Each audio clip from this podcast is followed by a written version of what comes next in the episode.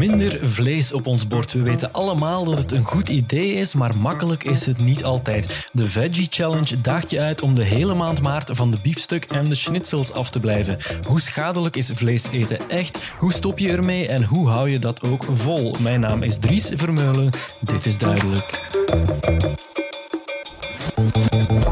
Duidelijk, de morgen. Bij mij aan tafel zit Barbara de Busseren, collega-journalist bij De Morgen. Dag Barbara. Dag Dries. Volgende week begint de Veggie Challenge. Kan je eens even uitleggen wat dat precies is? Dat is een initiatief van EVA, het Ethisch-Vegetarisch Alternatief. Het is een veggie-organisatie, als je dat een beetje vertaalt, die uh, vegetarisch eten willen promoten op een eerder ludieke en haalbare manier. De challenge is dus een uitdaging om een maand lang zoveel mogelijk veggie te eten. En zij bieden tips, recepten um, en inspiratie, verhalen ook van anderen die meedoen. Um, de hele maand lang. Dus je daagt jezelf uit, maar je, je krijgt ondersteuning op allerlei manieren. Ik las ook in onze krant dat vegetarisch eten in België in de lift zit. Ja. Er is een enquête geweest en die cijfers die vertellen toch dat steeds meer Belgen zich laten overtuigen om minder vlees te eten. Ja, dat klopt. Dus je ziet dat in 2016 was er ongeveer 13 procent uh, van de Belgen bezig met vlees minderen, vlees en vis. Mhm.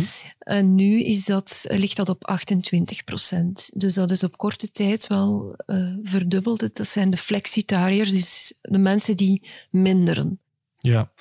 Tegelijk zag ik ook wel uh, in die enquête, 68% van de Belgen eet wel nog bijna elke dag vlees of vis. Ja. Um, ja, intussen weten we wel een beetje, of hebben we allemaal wel eens gehoord, dat het voordelen heeft om vegetarisch Ja. te eten voor de gezondheid, voor Ja. de planeet. Uh, Kan je dat eens concreet maken? Is, is het echt schadelijk voor ons om zoveel vlees te eten?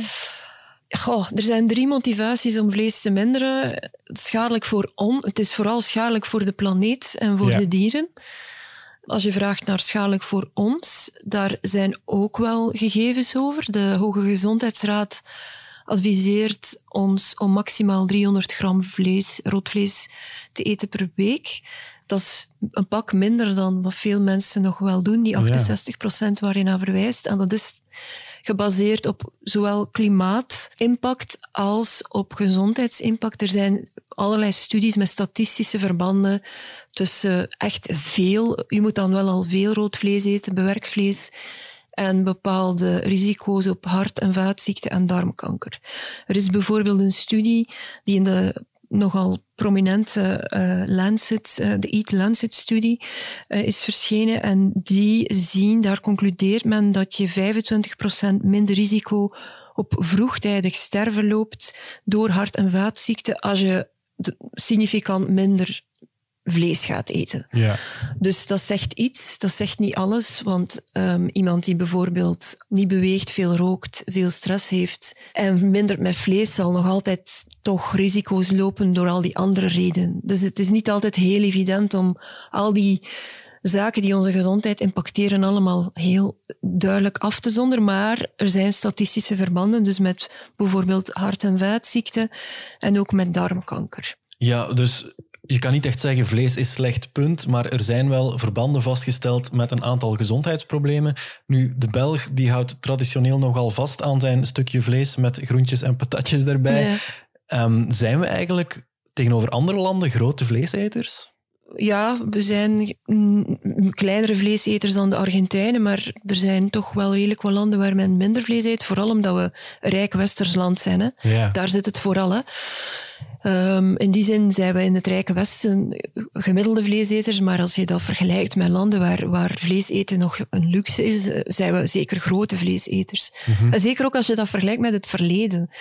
Als ik, uh, we, we hebben nu het idee, en dat klopt ook, van hey, het traditionele Belgische menu is vlees met zo wat groenten in de bijrol en patatten. Mhm. Dat klopt ook wel, maar dat is ook nog niet zo heel lang dat dat zo is. Toen mijn grootmoeder opgroeide, aten zij maximaal één keer per week vlees, want dat was toen nog Dat echt een duur, luxe. Ja. Dus in die zin eten we gewoon weg heel veel vlees, in vergelijking met de recente geschiedenis en ook wel met grote delen van de wereld waar, waar dat gewoon nog niet lukt, uh, economisch dan. Mhm. Ja, en die grote vleesconsumptie heeft dus ook een zware impact op het klimaat, op de planeet. Hebben we daar een idee van? Die, die vleesindustrie, hoe schadelijk is die? Uh, ja, de veehouderij, er zijn allerlei cijfers. Ik heb er hier eentje mee, maar uh, uit heel goede bron. De veehouderij is voor ongeveer 15% van, van die uitstoot verantwoordelijk. Dus dat is, dat is wel redelijk wat. En, en er zijn in de veeteelt natuurlijk niet alleen de dieren die zelf uh, uitstoot veroorzaken, maar mhm. ook landgebruik, productie. Heel het proces uh, is toch wel echt uh, intensief en heeft een zware broeikasgasuitstoot. Die een pak zou minderen als je minder vlees gaat eten. Ja, kan je dat eens concreet maken? Mocht iedereen globaal dan meer plantaardig eten, dus minder vlees eten, dan zouden we de uitstoot door voedselproductie kunnen halveren. Ja. We zouden ook, mochten we meer plantaardig eten, 300 miljard ton CO2 uit de lucht kunnen halen tegen 2050. En dat is negen keer de mondiale uitstoot. Van, 300 miljard ton. Ja, dat zijn al redelijke aantallen. En dat geeft ook wel um, aan dat je door een, iets dat je echt wel zelf kan doen, mm wel mee een impact kan hebben. Veel mensen zijn een beetje fatalistisch of soms gefrustreerd van ja, het klimaat, eh, wat kunnen wij eigenlijk zelf doen? Het is allemaal niet zo eenvoudig, maar je eet meestal één of twee of drie keer per dag. En door daar een paar dingen aan te passen af en toe, heb je wel een impact. Je zei daarnet, er zijn drie grote motivaties om te minderen met vlees eten. We hebben het over onze gezondheid gehad, we hebben het over de planeet gehad. Wat zeker ook meespeelt, is dierenleed. Ja, tuurlijk. Want er zijn echt, dat je ziet het ook in de enquête, ik denk dat het op dit moment zelfs de grote motivatie is. De grootste motivatie van de degenen die al vegetariër zijn, is, is dierenleed proberen vermijden. Uh, als je dat wil doen, ja, dan is het een zeer efficiënte methode. Dieren zien af. Het is duidelijk dat dat, dat, mhm. dat een probleem is. En zeker niet altijd en zeker niet overal, maar het is alleen maar omdat we massaal veel dieren in de landbouw en de veeteelt hebben, dat we, dat we onvermijdelijk dierenleed hebben. Kreupele kippen, uh, kalfjes die bij moeders worden weggehaald en zo. Dus dat speelt voor veel mensen meer en meer ook mee. En uh, ja, dat is ook een heel concrete impact.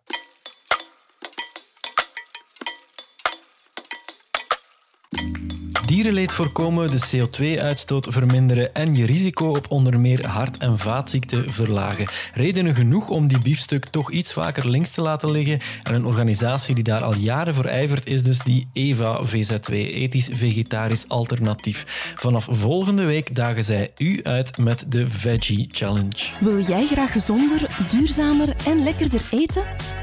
En heel wat verrassende nieuwe gerechten ontdekken? Alles kan veggie. Dus doe mee met de Veggie Challenge in maart. En krijg één maand lang inspirerende recepten om uit te proberen. Schrijf je nu in op veggiechallenge.be. Smakelijk! Ja, ik ben zelf nogal een fervente vleeseter en dat knaagt toch af en toe wel een beetje aan mijn geweten. Dus ik wil het wel proberen, die Veggie Challenge, maar hoe begin ik daar nu aan? Ik ben persoonlijk advies gaan vragen aan Fien Louagie van Eva VZW en zij begon met mij gerust te stellen. Ik hoef niet meteen te radicaliseren. Het leuke aan de Veggie Challenge is dat je zelf je uitdaging kan kiezen. Dus je kunt kiezen voor uh, flexie, veggie of vegan. En als je kiest voor de flexie-uitdaging, dan kies je ervoor om een paar dagen per week geen vlees en vis te eten. Als je kiest voor veggie, gaat een hele maand vegetarisch, dus geen vlees en geen vis. En als je kiest voor een hele maand vegan, dan eet je een maand lang geen vlees, geen vis, maar ook geen zuivelproducten en geen ei. Dus niets van producten dat van uh, dieren afkomstig is. Dus je kunt zelf kiezen hoe moeilijk dat je het jezelf maakt of hoe makkelijk of welke uitdaging eh, die je wil aangaan. Ja, de vraag waarmee ik naar hier ben gekomen is eigenlijk hoe begin je daar nu aan en hoe hou je dat vol? In jullie enquête lees ik de belangrijkste redenen waarom mensen niet vegetarisch eten zijn naast, ik heb er gewoon geen interesse in, de smaak, de prijs en ik kan niet goed genoeg koken. Zijn dat dingen die je herkent? Vind je dat aannemelijke redenen? Ja, als dat drempels zijn voor mensen, dan zijn dat drempels. Um, nu zijn inderdaad niet allemaal even terecht, of sommige zijn een beetje een misperceptie. Zeker als het over prijs gaat, heeft uh, veggievoeding zo'n beetje het imago van dat is heel duur. Um, nu, er zijn verschillende redenen hoe dat komt, of waarom dat zo lijkt. En inderdaad, als je veggie vleesvervangers of burgers of worsten of zo naast vleesproducten legt, dan zijn die inderdaad vaak duurder. Nu, vlees is veel te goedkoop. Dat is het punt één, dus dat kan je in feite niet vergelijken. En daarnaast is dat ook een vrij nieuwe markt. En eh, productontwikkeling, onderzoek, smaaktesten, dat kost veel geld. Maar dus naarmate dat die markt groeit en evolueert, worden die producten ook goedkoper.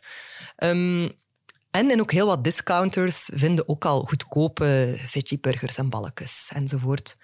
Nu, um, als je vegetarisch eet, moet je zeker niet iedere dag zo'n producten eten. Dat is tof om eens af en toe te eten. Ja. Maar in feite, als jij zegt van ik eet veel groenten, peulvruchten, granen uh, of de basic vleesvervangers, zo de, de old school of de, de eerste generatie, dat is dan de tofu, tempeh, die dingen, dat is veel goedkoper. Um, dat vergt wel ietsje meer kennis of kunde soms bij het koken. Maar je kan perfect uh, goedkoop vegetarisch eten. Dat is een beetje afhankelijk van hoe je het aanpakt. Ja, en dan de mensen die zeggen, ik vind het eigenlijk allemaal niet zo lekker, ik eet liever een stukje vlees. Um, dat is de grootste drempel. Veel mensen eten graag vlees. Ja. Nu, wij zijn er met Eva ook om die drempels te verlagen, om dat makkelijker te maken en mensen bij het handje te nemen, bij wijze van spreken. Nu, um, wat die smaak betreft, zou ik zeggen van geef jezelf wat tijd. Uit onderzoek blijkt dat ongeveer 21 dagen duurt, of een goede drie weken, voor leren dat mensen uh, nieuwe gewoontes aanleren Mm -hmm. en om ook te wennen aan smaken. Dus als je iets een, een paar weken eet, dan veranderen je smaakpapillen in feite ook een beetje. Ik kan dat met suiker ook hebben. Als je een lange tijd minder zoete producten eet en je eet daarna iets zoet, dan smaakt dat plots veel zoeter dan dat vroeger deed. Dat is een, een voorbeeld daarvan. Ja, wat je zei van die smaak, dat herken ik ook wel. Veel mensen vinden vlees gewoon heel lekker. Ik Ja. moet toegeven, ik vind dat zelf ook wel best lekker. Ik probeer het minder te eten, maar het is niet altijd even makkelijk. Als ik nu wil proberen om een bepaald vleesproduct of een dierlijk product uit mijn dieet te schrappen, waar moet ik dan beginnen? Wat is de eerste stap die ik kan zetten? Als het gaat over smaak, zijn er een paar dingen die je kunt doen. Um, er zijn echt heel goede ja, vleesvervangers die lijken op vlees. Wat dat ik heel gemakkelijk vind, zijn alle vegetarische kipstukjes of, of kipdingetjes zo. Als je dat goed bakt in de pan, je doet er wat kipkruiden op, want kipkruiden zijn vegetarisch. Ja. Dus dat is, eh, die mag die Dat zeker gebruiken. Ja, ja, ja. Dus eh, ik heb ook kipkruiden staan, die worden vaak gebruikt. En je gooit dat in een curry of in een stoverij of zo. Um, dan komt die smaak echt heel dicht in de buurt. En voor alle duidelijkheid, ik, um, ik at vroeger ook graag vlees. Mhm. Ik eet al meer dan de helft van mijn leven geen vlees meer, maar ik vond het ook lekker. En daarvoor is het wel fijn dat er zo'n producten zijn die daarop lijken, die die smaak een beetje nabootsen. Um, maar we krijgen vaak de vraag van... Waarom moeten die vleesvervangers op vlees lijken? Ja, Ja. ik vraag me dat soms ook wel af, inderdaad. Waarom zou je dingen proberen te maken die zo goed mogelijk op vlees lijken, maar het toch niet zijn, in de plaats van gewoon heel lekker te leren koken met alleen plantaardige dingen? Maar dan bot je natuurlijk op die andere moeilijkheid waar mensen op over spreken in de enquête. Daarvoor ben ik dan weer niet creatief genoeg in de keuken. Ja, dat begrijp ik zeker. Nu, je kan eigenlijk heel gemakkelijk beginnen met eens nadenken van wat eet ik al, dat dat misschien al vegetarisch is. Mhm. Um, of welke gerecht kan ik gemakkelijk vegetarisch maken. Dus iets wat al vertrouwd is. Um, dat hoeft helemaal niet te moeilijk te zijn. Wat bij mij ook echt helpt, is vertrekken vanuit de groente. Vaak hebben we de neiging om te vertrekken vanuit welk vlees of in welke vis heb ik zin vanavond. Dat vergt ook wat tijd, maar als je dat omdraait en denkt van ah, welke groenten heb ik zin en van daaruit vertrek je, of eerder vanuit het gerecht, ik heb zin in spaghetti of in een curry, dan is dat ook al een andere mindset, Mhm. om het zo te zeggen. En daarnaast zijn er ook al heel veel oplossingen om het makkelijker te maken voor jou. Er zijn foodboxen, er zijn zelfs eh, vegan maaltijden die je diep gevroren kan laten leveren, die ook helemaal vers gemaakt zijn, ingevroren zijn. Dan wordt er voor jou gekookt en dat helpt ook op, uh, ja, op drukke momenten. Want het is inderdaad niet altijd mogelijk om tijd te maken om te koken of om erover na te denken. Dus je mag het jezelf ook wel uh, gemakkelijk maken.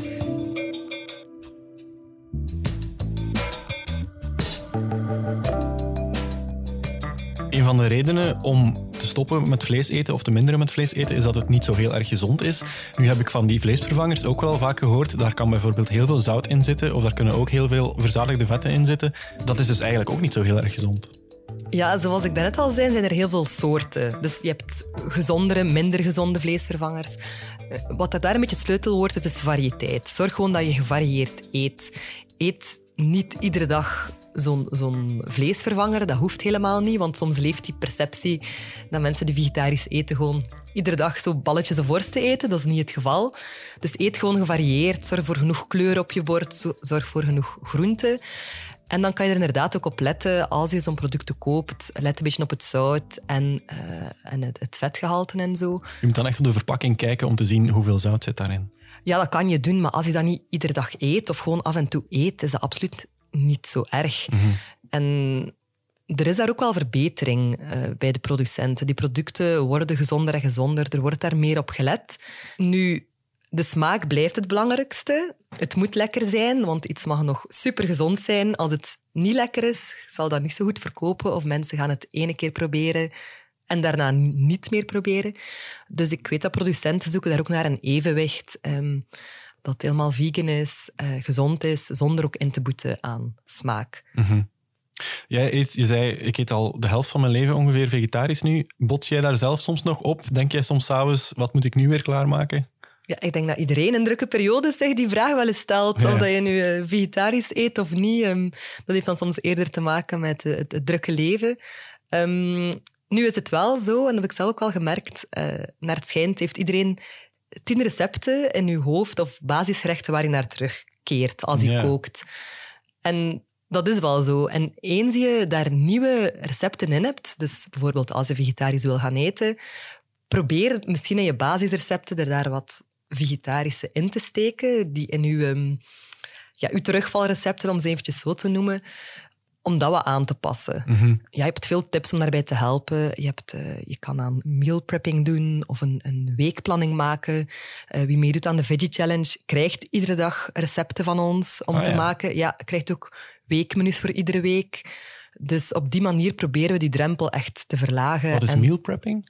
Meal prepping is ehm, in het weekend tijd maken om je weekmenus voor te bereiden. Ah, ja.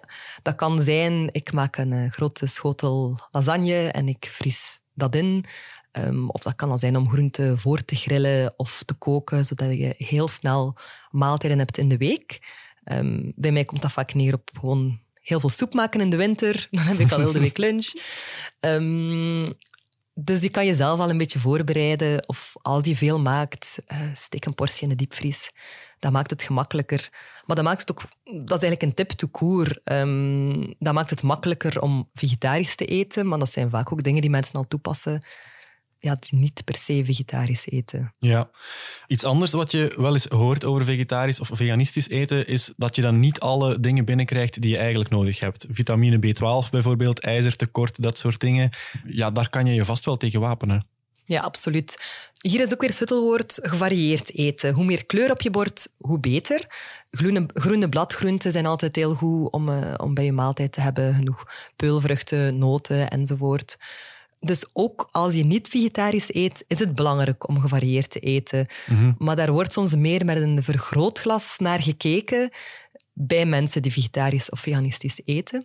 Daarnaast is het wel zo, als je helemaal veganistisch eet, moet je een beetje let- letten op je B12-inname. Nu, er zijn heel veel plantaardige producten, bijvoorbeeld plantaardige melken of burgers, waar B12 aan is toegevoegd. En vaak heb je daarmee al genoeg. Ehm, en je kan ook supplementen nemen daarvoor. Ja. En het is ook wel, ja, als je twijfelt, kan je altijd je bloed laten checken jaarlijks. Of je laten adviseren door een diëtiste als je weet van ik ben daar gevoelig aan. Ehm, dan kan je dat altijd checken. Ja, dat is iets waar je op moet letten, maar wat ook niet zoveel moeite vergt.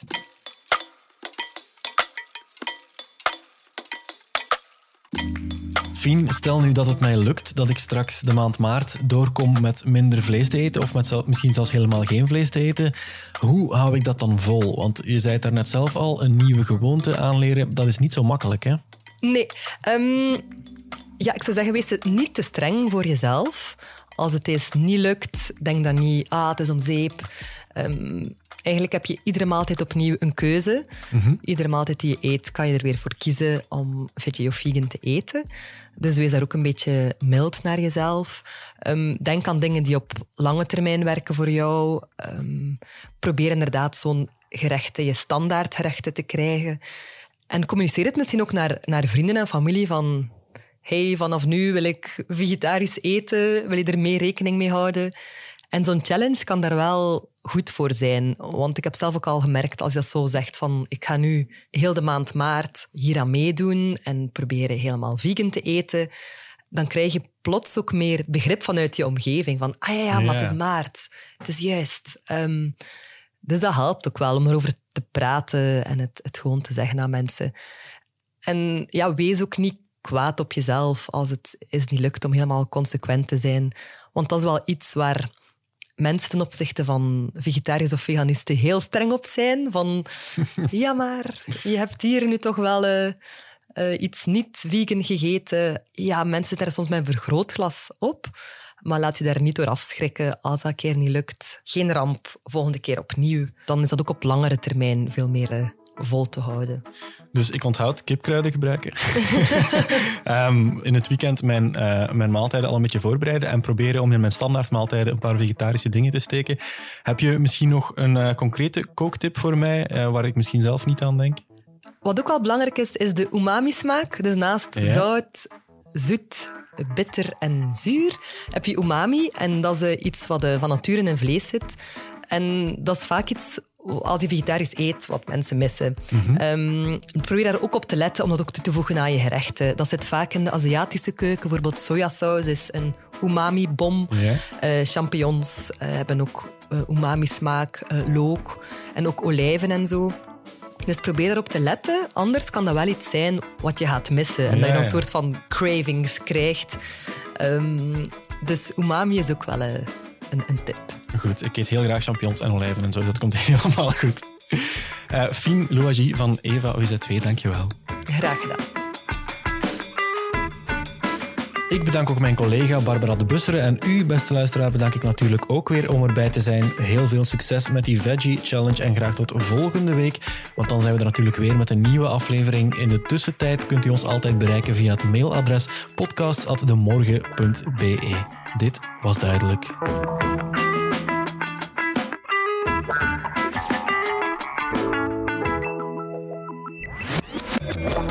Duidelijk, de morgen.